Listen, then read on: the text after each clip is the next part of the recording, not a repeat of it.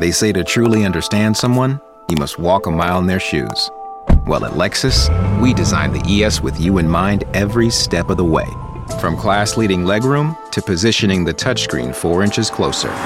Everything in the Lexus ES, a direct reflection of you. Click the banner to discover more. Experience amazing at your Lexus dealer. 2022 ES versus 2021 2022 competitors. Information from manufacturers' websites as of 5 3 2021. Ram Power Days is going on now with our most powerful lineup of trucks ever. Hurry in and don't just feel the power, own it. Right now, get 2.9% financing for 72 months on the 2022 Ram 1500 Bighorn Crew Cab. Don't miss this great offer. 2.9% APR financing for 72 months equals 1515 per month per 1000 financed for well-qualified buyers through Chrysler Capital regardless of down payment. Not all buyers will qualify. See dealer for details. Offer ends 1031-2022. Na czym opierają się archeolodzy przy przeprowadzaniu architektoniczno-archeologicznej rekonstrukcji zabytków? Na czym polega projekt z archeologią na ty? Dlaczego archeologiczne stanowisko Lakisz jest ważne dla historii Izraela? Na czym polegały badania dronem w Shifta na pustyni Negev i co było ich celem? Na te i inne pytania odpowie mój dzisiejszy gość. Zapraszam do słuchania.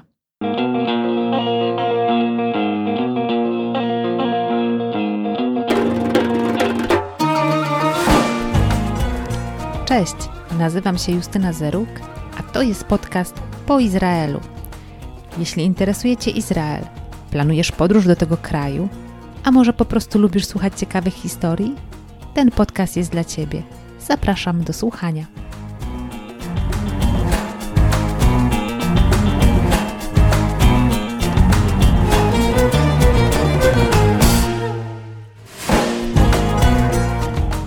Podcast po Izraelu, odcinek 17. Witam serdecznie w kolejnym odcinku podcastu po Izraelu. Dzisiejszym moim gościem jest pan Maciej Wacławik, archeolog z Uniwersytetu Jagiellońskiego w Krakowie. Pan Maciej studiował również na Uniwersytecie w Tel Awiwie i brał udział w pracach wielu misji wykopaliskowych, zarówno w Polsce, jak i za granicą. No i oczywiście w Izraelu, o którym dzisiaj sobie porozmawiamy. Witam serdecznie Pana, Panie Macieju. Bardzo mi miło, że zgodził się Pan na rozmowę w podcaście po Izraelu właśnie na temat Izraela. Witam serdecznie, bardzo dziękuję za zaproszenie i postaram się, żeby ta rozmowa jakoś nam jak najlepiej minęła i, i upłynęła. Też mam taką nadzieję. Zapowiada się bardzo ciekawie, bo mam trochę pytań do Pana dotyczących archeologii. Co prawda, e, już pojawił się w tym podcaście odcinek e, z Panem Marcinem Czarnowiczem, archeologiem również z Uniwersytetu Jagiellońskiego. Natomiast ja chciałabym z Panem poruszyć kilka innych tematów, ale zacznijmy od początku. Mianowicie, Przede wszystkim chciałabym zapytać Pana o to, o co właściwie pytam wszystkich moich gości, czyli jak wyglądało Pana pierwsze spotkanie z Izraelem? Kiedy to było i jakie ma Pan odczucia i co Pan pamięta z tamtego okresu? Pierwsze moje spotkanie z Izraelem to było prawie ponad 15 lat temu, już chyba, jeśli dobrze, dobrze licząc. Byłem akurat w pierwszej klasie liceum. Było to liceum katolickie i akurat z okazji 15-lecia istnienia funkcjonowania szkoły podjęta została taka decyzja, żeby właśnie uczcić ten malutki jubileusz wyjazdem do Izraela właśnie taką pielgrzymką. No i udało mi się wtedy też razem z rodzicami i, i moimi też kolegów właśnie uczestniczyć w tym wyjeździe. Tutaj duża zasługa mojego katechety, że tak zmotywował, żeby wyjechać. I tak naprawdę od tego momentu zaczęła się moja przygoda z, z samym Izraelem.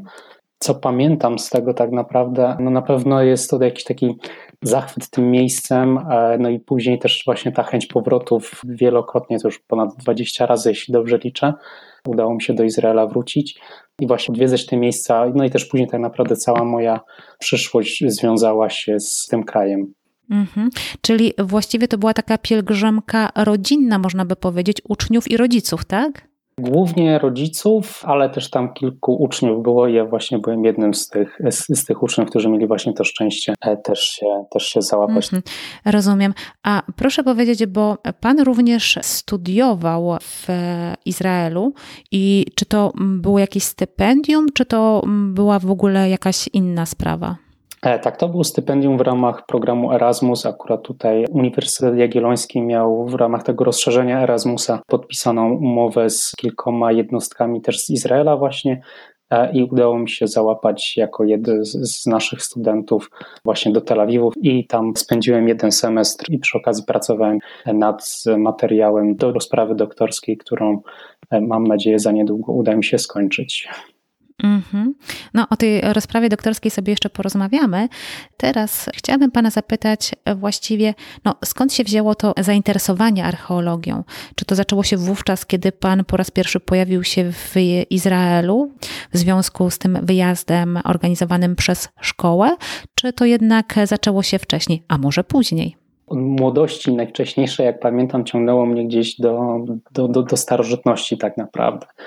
E, I tutaj właśnie gdzieś Grecja, gdzieś te kraje biblijne, e, to też właśnie było związane czy z, z, z rodzinnymi wyjazdami właśnie gdzieś na wakacje, czy też z jakimś powiedzmy przeżywaniem religijności.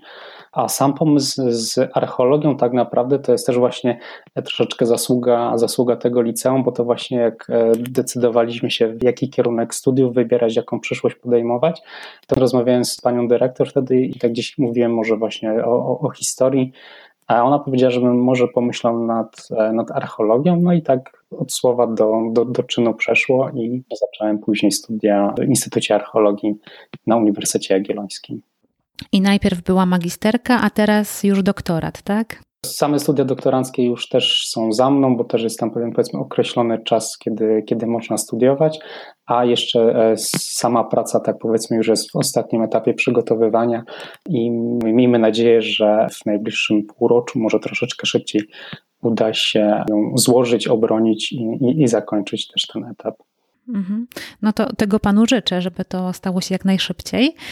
Przejdźmy do takiego tematu, który mnie osobiście interesuje. Chodzi o rekonstrukcję w archeologii, ponieważ jak wyjeżdżałam do Ziemi Świętej z grupami i zwiedzaliśmy nie tylko miejsca pielgrzymkowe, ale również też e, miejsca, które są dzisiaj parkami narodowymi w Izraelu. I na przykład taka Cezarea nadmorska, gdzie są pozostałości po mieście z czasów Heroda Wielkiego, no ale nie tylko, z czasów krzyżowców również tam odnajdziemy fragmenty zabudowań. I co zwróciło moją uwagę? Otóż pewnego dnia wraz z jedną z grup zauważyłam, że w miejscu, gdzie wcześniej nic nie stało, a był to hipodrom, pojawiły się nagle dwie kolumny. I tak sobie pomyślałam, kurczę, no skąd to się tam wzięło? Ktoś to postawił? Dlaczego? I tym samym przyszło mi kolejne pytanie do głowy. W jaki sposób na takich miejscach archeologicznych, gdzie archeolodzy pracowali, coś odnaleźli, te mury zostały odkopane, te przedmioty, kolumny, prawda, pozostałości zostały odkopane i one potem zostały w pewien sposób układane, eksponowane. I czy są jakieś zasady, które mówią na temat takiej rekonstrukcji? Na czym archeolodzy się opierają właśnie, kiedy takie rekonstrukcje przeprowadzają? E, kwestia tak naprawdę takiej e, rekonstrukcji architektoniczno-archeologicznej jest jednym z takich ciągle dyskutowalnych tematów i problemów w środowisku samych archeologów. Bo tutaj mamy głównie to, można powiedzieć, dwie szkoły, dwie metody. Jedna jest taka, która mówi, żeby nic nie rekonstruować i zostawić to wszystko powiedzmy w stanie w takim, jakim to zostało zastane w momencie, w momencie rozpoczęcia prac.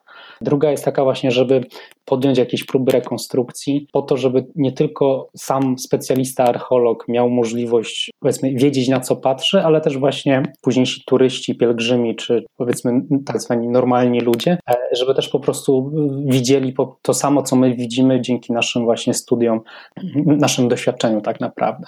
I tutaj w, w Izraelu akurat dopuszczalna metoda rekonstrukcji, taka, którą zatwierdza tam lokalny departament starożytności, czy też tam służby, służby starożytne, starożytnicze, e, jest taka, że Rekonstrukcja jest dopuszczalna do dwóch metrów od poziomu zastanego w trakcie badań i musi być w jakiś sposób zaznaczona. Czasami w parkach można zobaczyć takie e, czarne wężyki, jak to mówimy. Na masadzie na przykład. Przepraszam, że wtrącę się, ale to mi się kojarzy zdecydowanie z masadą. Tak, Masada i też pozostałe parki jest właśnie zaznaczony po prostu poziom. Tyle znaleźliśmy, reszta to jest ta właśnie nasza taka licencja poetyka tak zwana. I tutaj przy samej rekonstrukcji opieramy się na kilku płaszczyznach. Pierwszą z nich jest, jeśli na przykład y, dysponujemy dodatkowymi materiałami pozaarcheologicznymi, to są na przykład e, jakieś przedstawienia, bardzo rzadko obrazy, czy na wazach przedstawione jakieś budowle, czy też na przykład na monetach bardzo dobrymi są podpowiedziami właśnie monety, na których są przedstawione jakieś właśnie ważne świątynie, budowle. Z drugiej strony też czasami mamy opisy przez starożytnych dokonane tych pomieszczeń, tych budynków, więc w, oparciu o te źródła dodatkowe jesteśmy w stanie dziś tutaj tą rekonstrukcję zaproponować i jeśli są dodatkowe środki, bo to jest też problem właśnie przy rekonstrukcji, jest nie tylko jak, ale też za co, bo to jest dość spory wydatek tak naprawdę. Też czasami mamy to szczęście, że udaje się w znacznym stopniu zachować same, same mury. I tutaj to w, na przykład właśnie w wypadku moich badań związanych z doktoratem jest bardzo dobrze widocznie, że tak naprawdę e, niektóre budowle są zachowane do wysokości kolejnej kondygnacji, czy też jeszcze, e, jeśli są to na przykład jakieś budowle bazylikowe, to nawet e, sklepienia apsyd są uchwytne i to po prostu też doświadczenie z budowlami innymi, które są zastane, pozwala też pokazać, że po prostu w podobny sposób mogło wyglądać to w miejscu, które akurat teraz rekonstruujemy.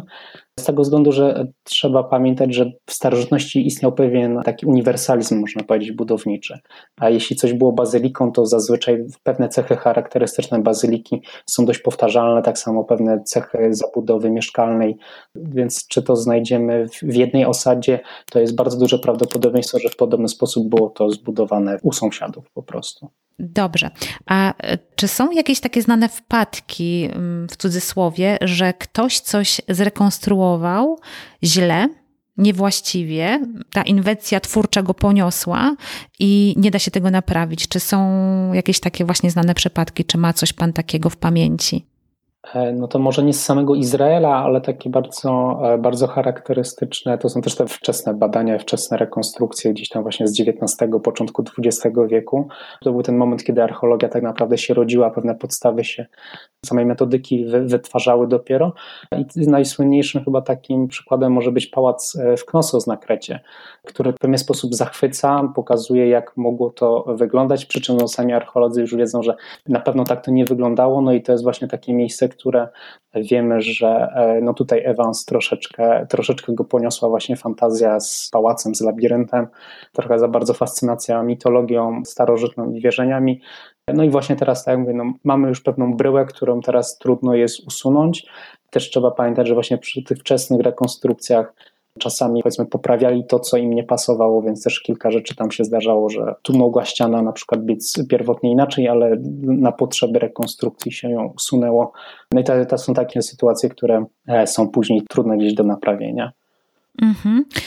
Czyli właściwie tak sobie myślę, że właściwie to w tym momencie, dzisiaj, w XXI wieku, mamy większe możliwości, jest lepsza technologia i właściwie możemy odkryć, czy też zrekonstruować jakby bliżej prawdy, tak? Znaczy, na pewno sam postęp badań pozwala nam weryfikować pewne wcześniejsze spostrzeżenia, pewne wcześniejsze koncepcje, no i też no to jest, wynika tak naprawdę z samego rozwoju nauki, a tutaj te nowsze technologie pozwalają na taką rekonstrukcję, nazwijmy to nieinwazyjną. E, że jesteśmy w stanie na przykład od takich najprostszych metod, czyli takie szklane czy z plexiglasu zrobione plansze, na których jest pokazane, jak mogła ta budowla wyglądać. One są czasami stawiane na stanowiskach archeologicznych w takim punkcie, że patrzymy na, na pozostałości, jest taka powiedzmy dorysowana reszta, lub też właśnie dzięki choćby tej technologii VR czy AR możliwość po prostu założenia okularów na głowę, na oczy i po prostu powiedzmy przejście się po tych uliczkach bez ulepszania w rzeczywistości tego, co archeolodzy znaleźli tak naprawdę. Mógłby Pan powtórzyć o tej drugiej metodzie jeszcze raz?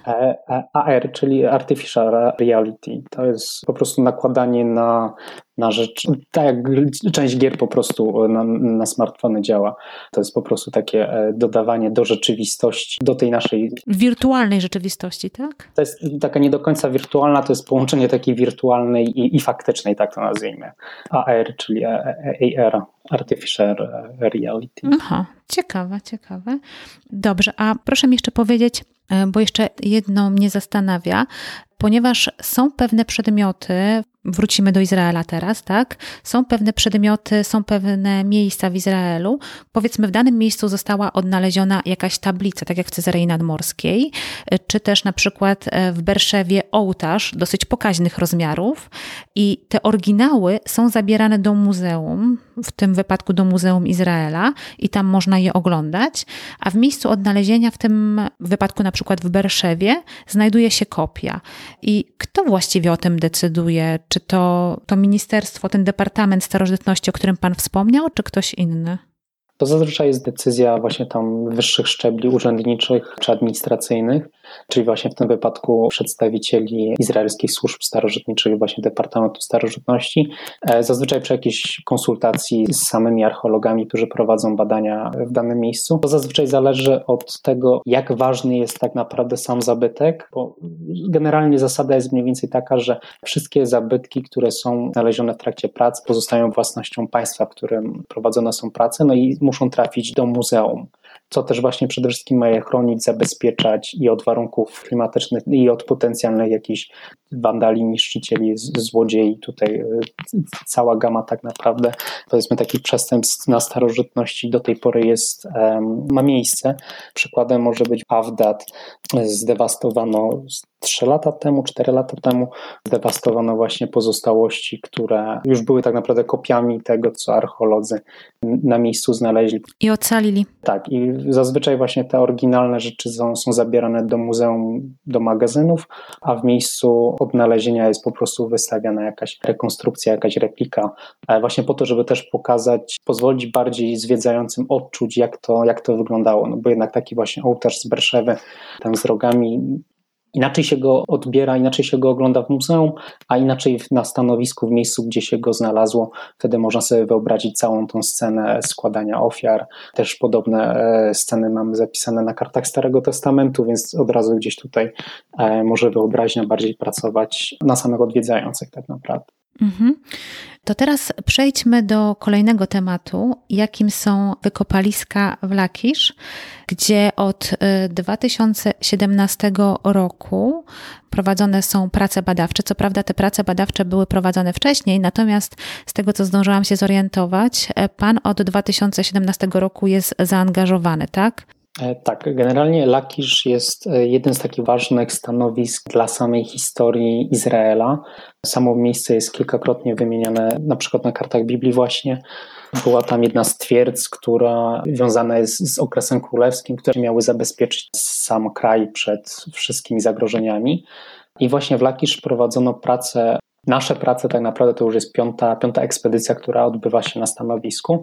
Znaczy nasze prace, w których mam możliwość uczestniczyć, bo daleko mi do naszych, że tak powiem. Przepraszam, znowu wejdę panu w słowo. To jest projekt austriacko-izraelski, prawda? Tak. Więc w jaki sposób się pan tam znalazł? E, to bardzo, e, bardzo, że tak powiem, przyziemny sposób. Tutaj się śmieję, że Facebookowi zawdzięczam dość sporo rzeczy we własnym życiu i to jest właśnie jedna z takich rzeczy.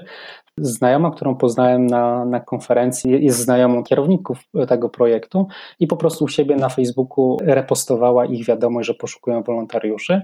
No i po prostu w ten sposób gdzieś tam znalazłem, wypełniłem formularz zgłoszeniowy i miałem to szczęście, że mnie początkowo przyjęli jako wolontariusza, a później chcieli nawiązać dalszą współpracę i dlatego już dwa, trzy razy miałem okazję tam e, w pracach uczestniczyć. No w tym roku niestety e, sytuacja e, epidemiologiczna pokrzyżowała nam plany i jak dobrze pójdzie, to w 2021 sezon się odbędzie i będzie mi też dane tam wrócić. Ale tutaj jeszcze właśnie dużo jest, dużo jest jeszcze niepewności, więc czekamy też na wiadomości.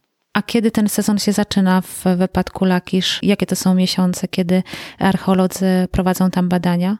E, to są takie naj, najbardziej gorące w Izraelu momenty. To jest właśnie gdzieś początek lipca, około 10 lipca zazwyczaj sezon zaczynamy i on trwa tak około 5-6 tygodni, więc w ten najgorętszy moment w Izraelu jesteśmy w stanie przeżyć.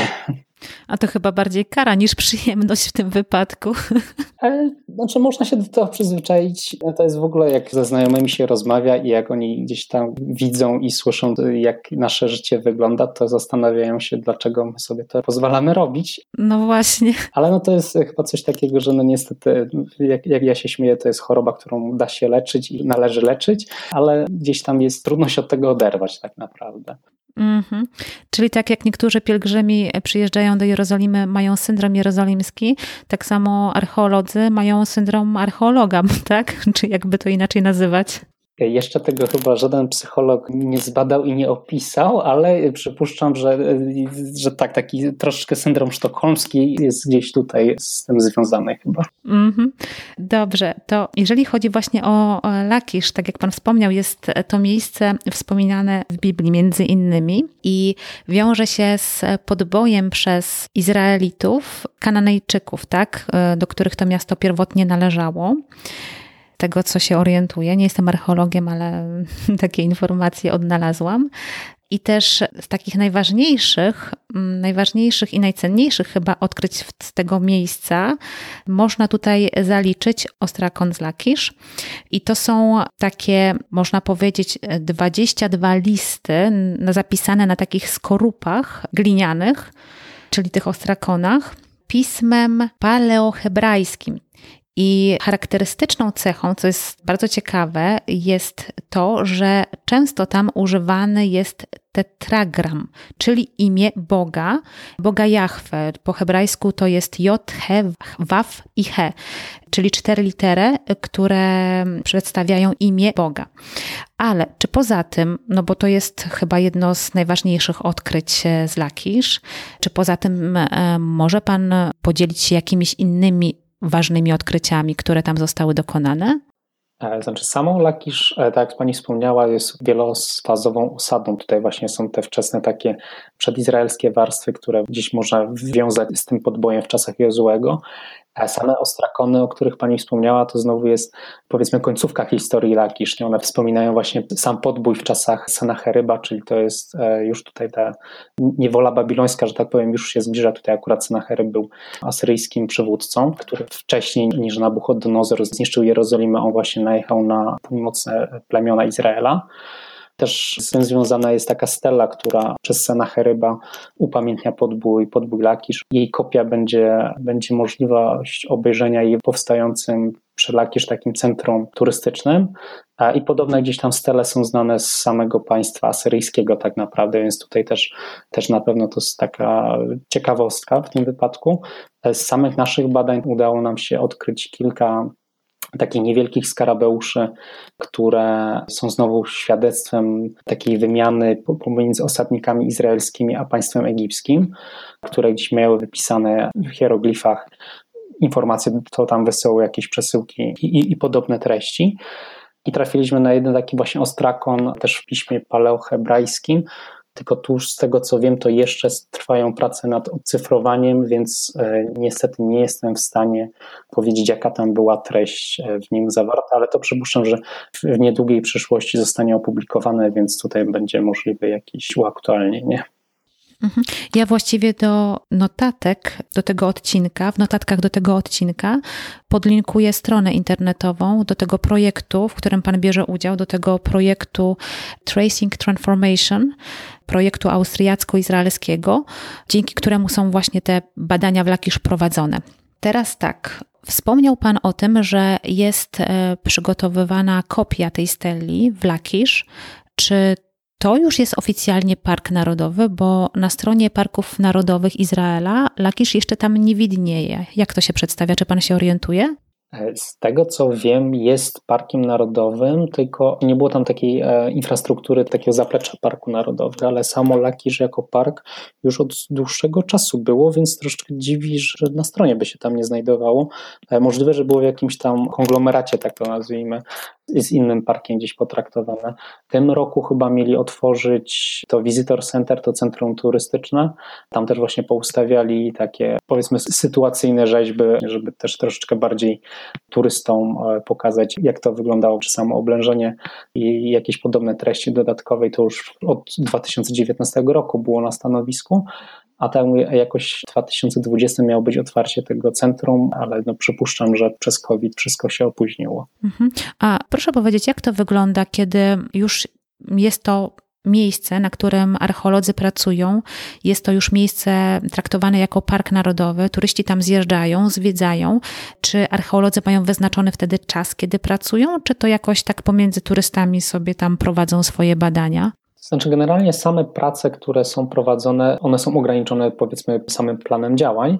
No i zazwyczaj mamy taką sytuację, że my sobie gdzieś prowadzimy swoje badania, coś tam sobie kopiemy dalej e, i czasami właśnie przychodzą czy grupy jakieś, czy pojedyncy, czy turyści, zapytają, co tutaj się dzieje, jak to wygląda, wszystko. No i wtedy jest taka właśnie krótka rozmowa o tym, co my tu robimy, jak my to robimy, jaki mamy cel, też właśnie, żeby nie zamykać tylko nauki na, dla naukowców, ale też pokazywać, nazwijmy, normalnym ludziom, no bo też tak naprawdę trzeba przyznać, że większość naszych prac jest sfinansowana dzięki podatkom i tutaj bez tego otwarcia na zwykłych ludzi, to po prostu traci troszeczkę sens nasza praca. Mhm. No właśnie, wspomniał Pan o finansowaniu. Czy wobec tego tylko instytucje państwowe e, wspierają archeologów, czy też zdarzają się takie sytuacje, jak ostatnio no, różne projekty są finansowane przez tak zwany crowdfunding? Czy archeolodzy z tego korzystają też? Różnie. W do crowdfundingu wiem, że część znajomych, którzy prowadzili pracę w, w, Meksyku, akurat sięgnęli po to rozwiązanie i akurat udało im, się, udało im się uzbierać zakładane sumy i sezon się odbył. Generalnie próbujemy korzystać tak naprawdę ze wszystkich możliwości. Przede wszystkim to są zazwyczaj jakieś granty finansowane przez instytucje państwowe czy instytucje europejskie. Polsce to jest zazwyczaj Narodowe Centrum Nauki, w skali Europy to jest European Research Council, które właśnie ogłaszają konkursy i można po prostu startować z projektem, uzyskać w ten sposób środki. Przy czym trzeba przyznać, że tych środków nigdy nie jest wystarczające. Więc też crowdfunding powolutku widzę, że też zaczyna się gdzieś do archeologii przedzierać. Też oczywiście, jak się uda pozyskać e, jakichś prywatnych sponsorów, to też e, tutaj pomaga. No ale to jest też zawsze skomplikowana sytuacja i no po prostu tak jak mówię, korzystamy z tego, co jest możliwe. Tutaj finansowanie wygląda różnie. Mhm. Wspomniał Pan jeszcze też o tym, że ta archeologia, no to dobrze też, żeby tacy zwykli ludzie, turyści wiedzieli o co tutaj chodzi, tak jak przychodzą na stanowisko i, i archeolodzy tam akurat pracują. I, I właśnie archeolodzy wydają się być tacy otwarci y, na to, żeby tą wiedzę przekazywać. I znalazłam też taki projekt, który rozpoczął się jesienią 2013 roku z archeologią na ty. Mówi to coś panu? Tak, coś, coś mi to mówi. Proszę o tym powiedzieć, czy ten projekt w dalszym ciągu jest prowadzony, czy on w pewnym momencie e, się zakończył? Znaczy, sama idea projektu właśnie była taka, żeby wyjść e, z archeologią do jak najmłodszych odbiorców. I tutaj właśnie inicjatywa taka, w której też miałem okazję brać udział, była nastawiona na przedstawianie w szkołach podstawowych, w liceach, e, głównie w liceach tak naprawdę, żeby gdzieś tam pomagać kandydatom podjąć ścieżkę dalszego rozwoju, może właśnie jako archeolog, od tego to się zaczęło, a później właśnie rozszerzaliśmy się coraz bardziej na szkoły podstawowe, jeszcze gimnazja jak funkcjonowały, też przygotowaliśmy program dla przedszkoli. Chodziło o to, żeby od jak najmłodszych lat pokazać, czym jest archeologia, że to nie są dinozaury, bo to często mylona właśnie jest praca archeologa z pracą paleontologa, i e, też przy okazji, poza taką częścią wykładową, e, też dzięki uprzejmości dyrekcji naszego instytutu braliśmy też zabytki i pokazywaliśmy po prostu, była możliwość takiej bezpośredniej interakcji z tymi skarbami przeszłości, które zazwyczaj gdzieś tam ktoś może oglądać przez szybę w muzeum. I projekt w 2018 roku przekształcił się w stowarzyszenie i z tego co wiem, to gdzieś dalej działa. No ja już tutaj troszeczkę, troszeczkę przestałem się angażować ze względu na różne inne sytuacje. A czy wiadomo teraz, jak to wygląda? Jeżeli ktoś na przykład e, chciałby zaprosić grupę archeologów do szkoły, czy jest to możliwe w całej Polsce, czy tylko gdzieś tam w pobliżu Krakowa? I czy to w ogóle jest możliwe? Pomijając oczywiście sytuację z COVID, tak? I to, że jesteśmy no, niemalże pozamykani w domach, ale czy to dalej tak funkcjonuje? Przypuszczam, że tak. To tak jak mówię, od, od, jakiegoś czasu już nie mam kontaktu z projektem czy, czy z stowarzyszeniem, więc, więc ciężko mi powiedzieć, jaką teraz formułę przyjęło. Na pewno ze względu na to, że działaliśmy raczej w Krakowie, w Małopolsce, więc tutaj na pewno są większe szanse. No bo po prostu kwestia samego dojazdu transportu tutaj troszeczkę może gdzieś komplikować, ale też udało nam się w ramach prac projektu, właśnie korzystając z tego, że też byliśmy w różnych miejscach, właśnie też sam miałem okazję poprowadzić takie zajęcia dla dzieci w Tel Awiwie w szkole polskiej i w Atenach w szkole polskiej, to przy okazji tam tych moich pobytów zagranicznych nawiązaliśmy też współpracę i przekazaliśmy te same treści. No to akurat już było bez, bez, bez zabytków, no bo e, nasza powiedzmy licencja ograniczała się do terenu Polski. Aha, a czyli na przykład w Tel Awiwie to, to była szkoła podstawowa, tak? Szkoła polska? Ale to była szkoła działająca przy ambasadzie. Głównie to była podstawówka dzieci, tak trzecia, czwarta, piąta klasa. Tam było, nie wiem, chyba piątka czy szóstka w całej szkole tak naprawdę, bo to malutka, malutka jednostka. No i właśnie tam w któregoś dnia miałem okazję poprowadzić zajęcia. Mhm. Lekcje archeologii, tak? Tak. To wobec tego przejdźmy do tego tematu Pana pracy doktorskiej. Ja sobie to zatytułowałam Projekt Bizantyjski, tak roboczo. Powstała strona internetowa związana z projektem, którego jest Pan pomysłodawcą. To jest Byzantine Settlement e, of the Negev i podlinkuję oczywiście adres do tej strony internetowej w notatkach do tego podcastu. Proszę powiedzieć, na czym polega ten projekt, skąd w ogóle wziął się pomysł na takie badania. No właśnie, i jak te badania przebiegły, bo już e, badania pewnie się skończyły i teraz tylko czekać, aż z tego będzie doktorat. Znaczy, sam pomysł doktoratu tak naprawdę narodził się w 2013 roku, kiedy podejmowałem tą decyzję odnośnie kontynuowania ścieżki, ścieżki naukowej, ścieżki akademickiej. I tutaj dr Wojciech Machowski zaproponował mi, że może takim tematem byłoby się fajnie zająć, bo wiedziałem, że chcę coś robić, nie do końca umiałem ukształtować tutaj, w, w którą stronę pójść. W ten sposób narodził się sam pomysł, sam temat. I właśnie w trakcie analizy, w trakcie prowadzenia gdzieś tam badań dalej, zauważyłem, że dużym problemem było to, że przez długi czas operowano tak naprawdę na starych danych, które pochodziły gdzieś z prac w latach 70., w latach 80., początku lat 90., które z jednej strony posunęły się o tyle same już, sama metodyka, sama praca archeologiczna przez te 30-40 lat tak naprawdę uległa zmianie. I dodatkowym problemem izraelskich badaczy jest to, że oni są ze względu na sytuację polityczną byli troszeczkę odcięci po prostu od tego, co się działo dookoła, czyli w południowej Jordanii, w Syrii, w Egipcie. I często teorie, które proponowali przy rozszerzeniu po prostu tutaj zakresu, zderzały się z rzeczywistością. I żeby dostarczyć jakichś nowych danych, pomyślałem, że właśnie jedną z takich dość relatywnie tanich i prostych rozwiązań jest użycie tak zwanych bezzałogowych systemów latających, czyli dronów. I tutaj e, przy współpracy Konrada Górskiego z Politechniki e, Warszawskiej, Wojtka Ostrowskiego, też z Politechniki Warszawskiej i naszego geodety Łukasza Bąka z AGH.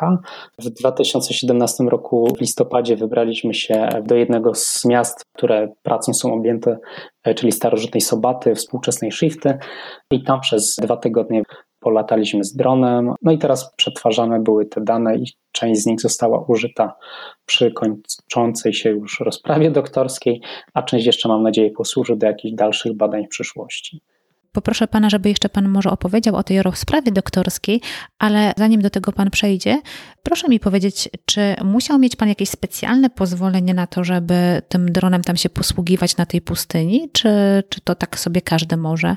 Trzeba było uzyskać cały zestaw pozwoleń związanych tak naprawdę z samą pracą archeologiczną. Tutaj trzeba było uzyskać pozwolenie dyrekcji parków narodowych, bo właśnie Shifta jest jeden z parków narodowych, dyrekcji również Departamentu Starożytności, dodatkowo pozwolenie na samo latanie dronem, bo tutaj też są przepisy regulujące to. Jak już udało nam się wszystkie te pozwolenia uzyskać, zajechaliśmy na miejsce, to się okazało, że akurat tego dnia rozpoczynały się ćwiczenia wojskowe w ramach NATO. Więc tu akurat nie wchodziliśmy sobie w paradę na samo szczęście z żołnierzami, ale ale akurat wysiedliśmy z samochodu i przeleciały nad nami dwa migi 35, F-35 chyba to było, więc troszeczkę tutaj e, serce stanęło w miejscu i e, później jak właśnie lataliśmy, to co chwilę tylko słyszeliśmy z jednej strony jakiś wystrzał i patrzyliśmy, w którą stronę rakieta leci, e, więc takie dodatkowe atrakcje w trakcie samych badań, ale na samo szczęście nic złego się nie stało, ani stanowisko nie ucierpiało, ani obronność NATO również nie dostała uszczerbku przez nasze prace, ale tak jak mówię, no, archeolog musi być przygotowany absolutnie na wszystko. Dobrze, czyli proszę powiedzieć, co wobec tego przez te dwa tygodnie udało się Panom tam zbadać i no, jaki ma to wpływ na Pana doktorat? Udało nam się przez te dwa tygodnie tak naprawdę zadokumentować w najbardziej na chwilę obecną nowoczesny i precyzyjny sposób samo stanowisko shifta dzięki czemu przede wszystkim do samej rozprawy bardziej aktualne, bardziej bieżące mapy jestem w stanie załączyć. Pracujemy też nad stworzeniem trójwymiarowego modelu stanowiska, tylko to jest bardzo dużo pracy potrzebne i odpowiedniej infrastruktury też z tym związane. Więc jeśli to się uda do końca doprowadzić, to możliwe będzie właśnie takie zwiedzanie, zwiedzanie shifty bez wychodzenia z domu, tak naprawdę. Ale to tak jak mówię, to jest w fazie jeszcze, jeszcze dalekiej, żeby tutaj ogłaszać sukces. No i też właśnie możliwość samego pobytu dwa tygodnie na stanowisku też pozwoliła mi przyjrzeć się dokładniej, zweryfikować te wszystkie koncepcje, które gdzieś wcześniej ci badacze proponowali i w jaki sposób do nich się ustosunkować i zaproponować, miejmy nadzieję, lepsze, lepsze teorie, lepsze koncepcje. Mhm. Proszę jeszcze powiedzieć może o tych bazylikach, które tam na tej pustyni Negev e, były zasypane i one, nie wiem czy ja dobrze zrozumiałam, one są teraz odkopywane, odkrywane, tak? Jak to wygląda? Większość stanowisk tych z Negevu została odkopana w latach 50.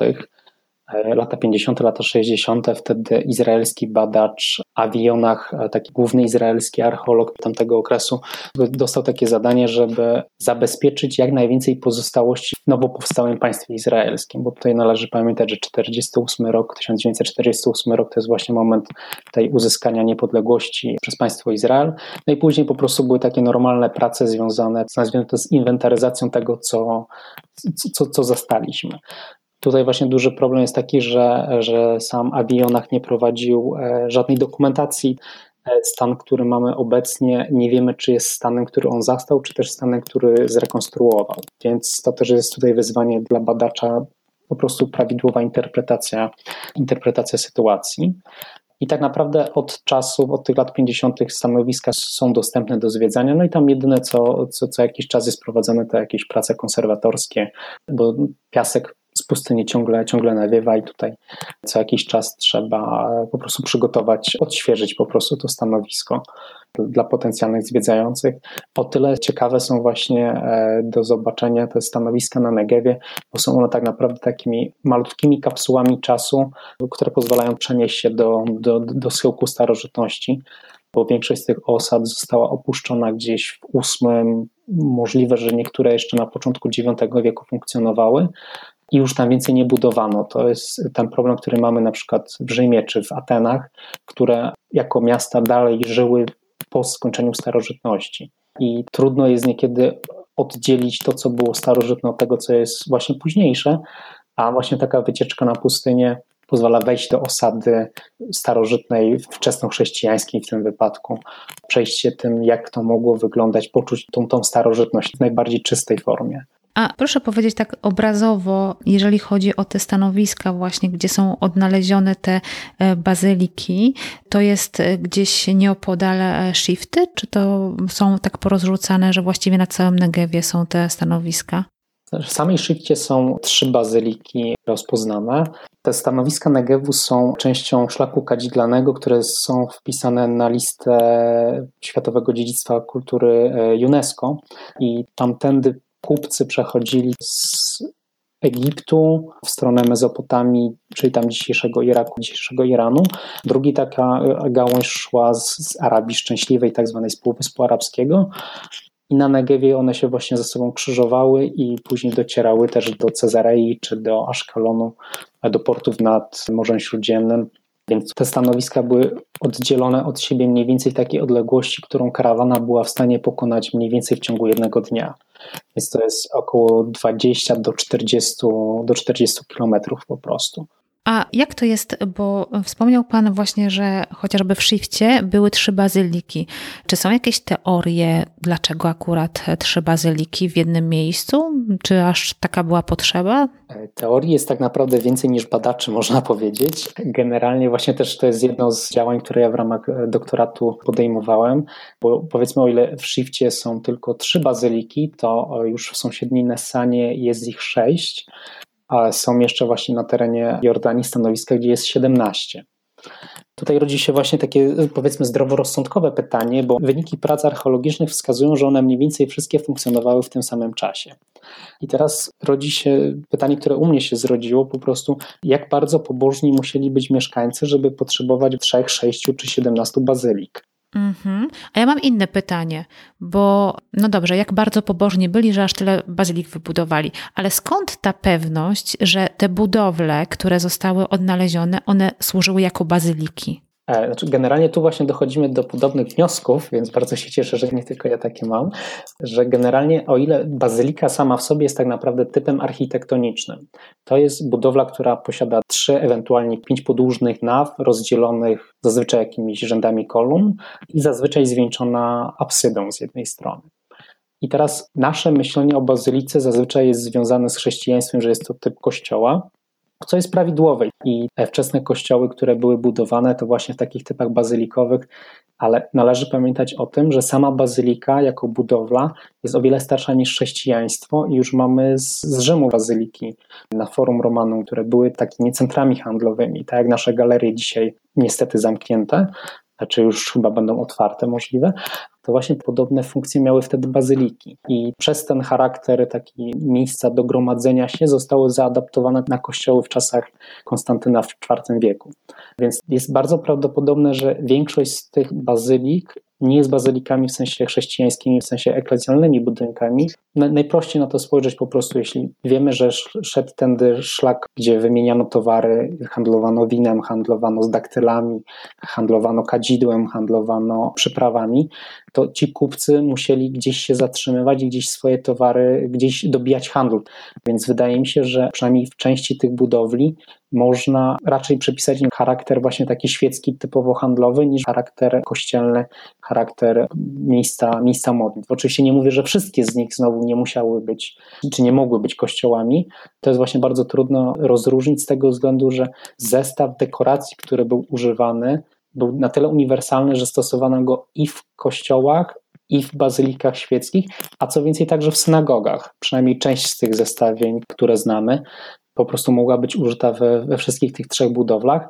I tutaj jest właśnie też kolejny taki problem, który powiedzmy mamy z badaczami w Izraelu, że dużo od ich interpretacji zależy tak naprawdę, jakie oni mają e, podłoże, skąd oni są, tak to powiedzmy.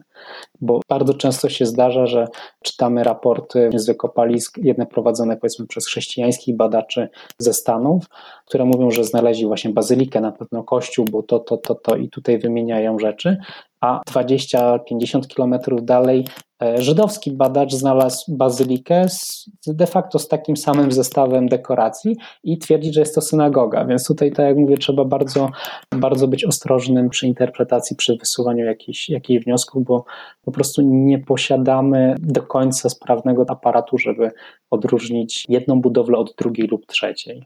Czyli, jeżeli dobrze rozumiem, w tym wypadku, jeżeli archeolodzy znajdą coś w Izraelu, powiedzmy z tego IV, V, VI, VII wieku, i dana budowla czy też pozostałości tej budowli przypominają zarówno, nie wiem, kościół, synagogę, tak, to może być to zarówno jedno, jak i drugie.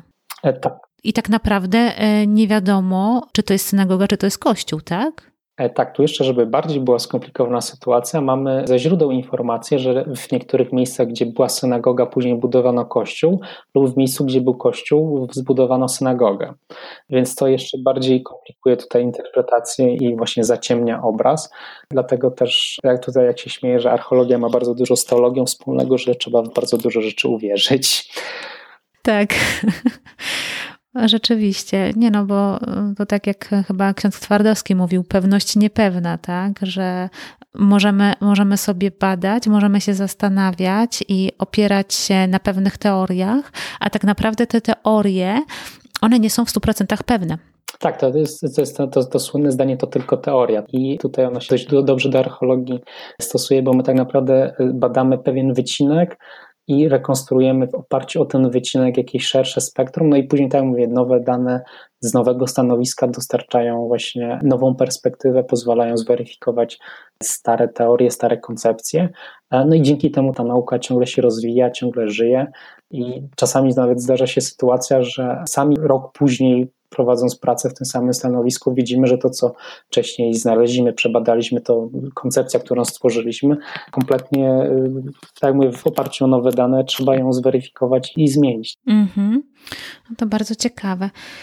Tak, to już tak zmierzając ku końcowi, y, chciałam jeszcze takie jedno pytanie zadać, bo skoro Pan był już, tak jak Pan wspomniał, dwadzieścia kilka razy w Izraelu, to czy ma Pan jakieś swoje ulubione miejsce w e, Ziemi Świętej? To trudno przyznać, czy byłoby jedno, bo to jest zbyt dużo, zbyt różnych rzeczy, żeby wybrać, żeby wybrać tylko jedno tak naprawdę. Mhm. No to może Pan podać kilka. Na pewno z takich relaksacyjnych bardziej to lubię Morze Martwe, żeby po prostu tak e, odpocząć, zanurzyć się w tej wodzie, która sama człowieka unosi, wypycha. Oczywiście nie można za długo posiedzieć, bo to później wszystko człowieka swędzi i boli. Jerozolima sama w sobie jest urzekająca i pociągająca. Bazylika Zmartwychwstania, możliwość spędzenia w niej nocy kilka razy miałem taką możliwość, więc to tutaj też na pewno jest ciekawe doświadczenie. W ogóle, jeśli ktoś byłby zainteresowany, to tutaj polecam na pewno skontaktować się z księdzem Piotrem Żelazko, który jest w Berszewie proboszczem i on organizuje trzymiesięczne turnusy wolontaryjne. No teraz oczywiście, tak mówię, przez COVID jest lekki problem, ale sam właśnie miałem okazję być takim wolontariuszem kilkakrotnie już w Berszewie i to jest właśnie taki wspaniały moment, żeby z jednej strony zobaczyć zupełnie inne chrześcijaństwo tak naprawdę, z drugiej strony, żeby spędzić te trzy miesiące w Ziemi Świętej, e, móc ją poznać, przeżyć, zasmakować i okazja jest, żeby gdzieś pozwiedzać, zobaczyć sobie wszystko, co by się chciało po prostu. A proszę powiedzieć coś więcej na temat tego wolontariatu u księdza Piotra Żelazko. Czy to trzeba się bezpośrednio z nim skontaktować? Czy jest jakaś strona internetowa, na której można aplikować na ten wolontariat? Jak to wygląda? I na czym ten wolontariat polega? Szczerze, e, jak się kontaktować teraz, nie wiem, na pewno jakaś strona będzie, bo ja w moim wypadku znowu to wyglądało tak, jak mówię, ważne momenty w moim życiu przez Facebooka się stały.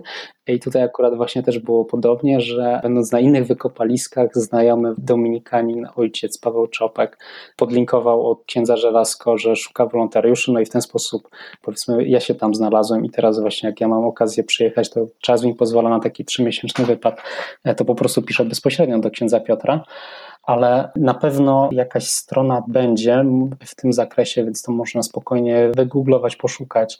Też samych wolontariuszy już było tyle, że nawet pewnie ktoś zna kogoś, kto już tam był, więc to można będzie tam gdzieś tam się dostać.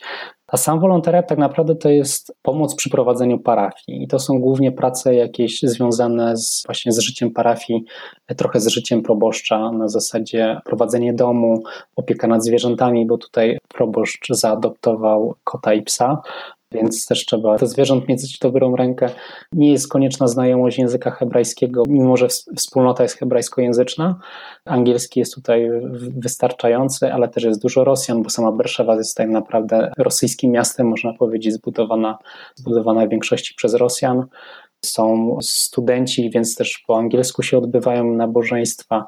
Sama wspólnota, tak jak wspomniałem, hebrajskojęzyczna, też zdarzają się nabożeństwa w języku arabskim. Są dla Filipińczyków nabożeństwa w ich rycie odprawiane w, w języku tym właśnie filipińskim, dla Hindusów tak samo, więc tutaj naprawdę można e, zobaczyć zupełnie inne doświadczenie samego Kościoła, jego powszechności niż to, co znamy z Polski, więc to na pewno jest też ciekawe doświadczenie, też naprawdę warto polecenia. Mhm, fajnie. Bardzo panu dziękuję za to, że pan się podzielił też właśnie taką informacją o tym wolontariacie. E, tu jeśli jeszcze mogę. Tak, oczywiście. To jeśli ktoś byłby zainteresowany wsparciem samej parafii, niekoniecznie przez pracę wolontaryjną, to też parafii prowadzi taką akcję pomocy wychodzenia z bezdomności. I na stronie parafii można zamówić takie malutkie kadzidło, które można sprezentować właśnie komuś, czy ulubionemu księdzu, czy gdzieś w inne miejsce, a przy okazji właśnie środki z tego są przeznaczone na pomoc uchodźcom z Afryki, którzy są w parafii. Tam jest Kolet, która pieszo przyszła z Beninu do Izraela i jeszcze w Izraelu straciła wzrok dodatkowo, więc jest teraz pod opieką parafii i tutaj też e, właśnie taka mała cegiełka charytatywna. Czy ma Pan jakiś e, link do tej strony, gdzie można byłoby to zrobić, w sensie tą cegiełkę zakupić? E, tak. Wobec tego poproszę Pana, żeby podesłać mi ten link i w notatkach do tego podcastu znajdzie się link do strony internetowej, gdzie taką cegiełkę z parafii księdza Piotra Żelazko będzie można e, zamówić. Zbliżamy się do końca. Serdecznie Panu dziękuję za za tę ciekawą rozmowę, za podzielenie się ze słuchaczami podcastu po Izraelu swoim doświadczeniem Izraela, ciekawymi informacjami, tym, jak wygląda praca archeologa, co ciekawego można odnaleźć i jak to wygląda. Więc bardzo, bardzo serdecznie Panu dziękuję. E, również dziękuję bardzo serdecznie za zaproszenie i mam nadzieję do usłyszenia jeszcze w przyszłości. Mam również taką nadzieję. Dziękuję. Dziękuję za wysłuchanie tego odcinka. Mam nadzieję, że był on dla Ciebie ciekawy. Jeśli chcesz o coś zapytać albo posłuchać o czymś, co Cię interesuje i jest związane z Izraelem, daj mi o tym znać. Kontakt oczywiście znajdziesz na stronie internetowej www.poizraelu.pl w zakładce Kontakt. Będzie mi również miło, jeśli znajdziesz czas i zostawisz swoją opinię w aplikacji iTunes lub podchaser.com. Na dziś to tyle. Jeszcze raz dziękuję za wysłuchanie. Pozdrawiam serdecznie i do usłyszenia w kolejnym odcinku.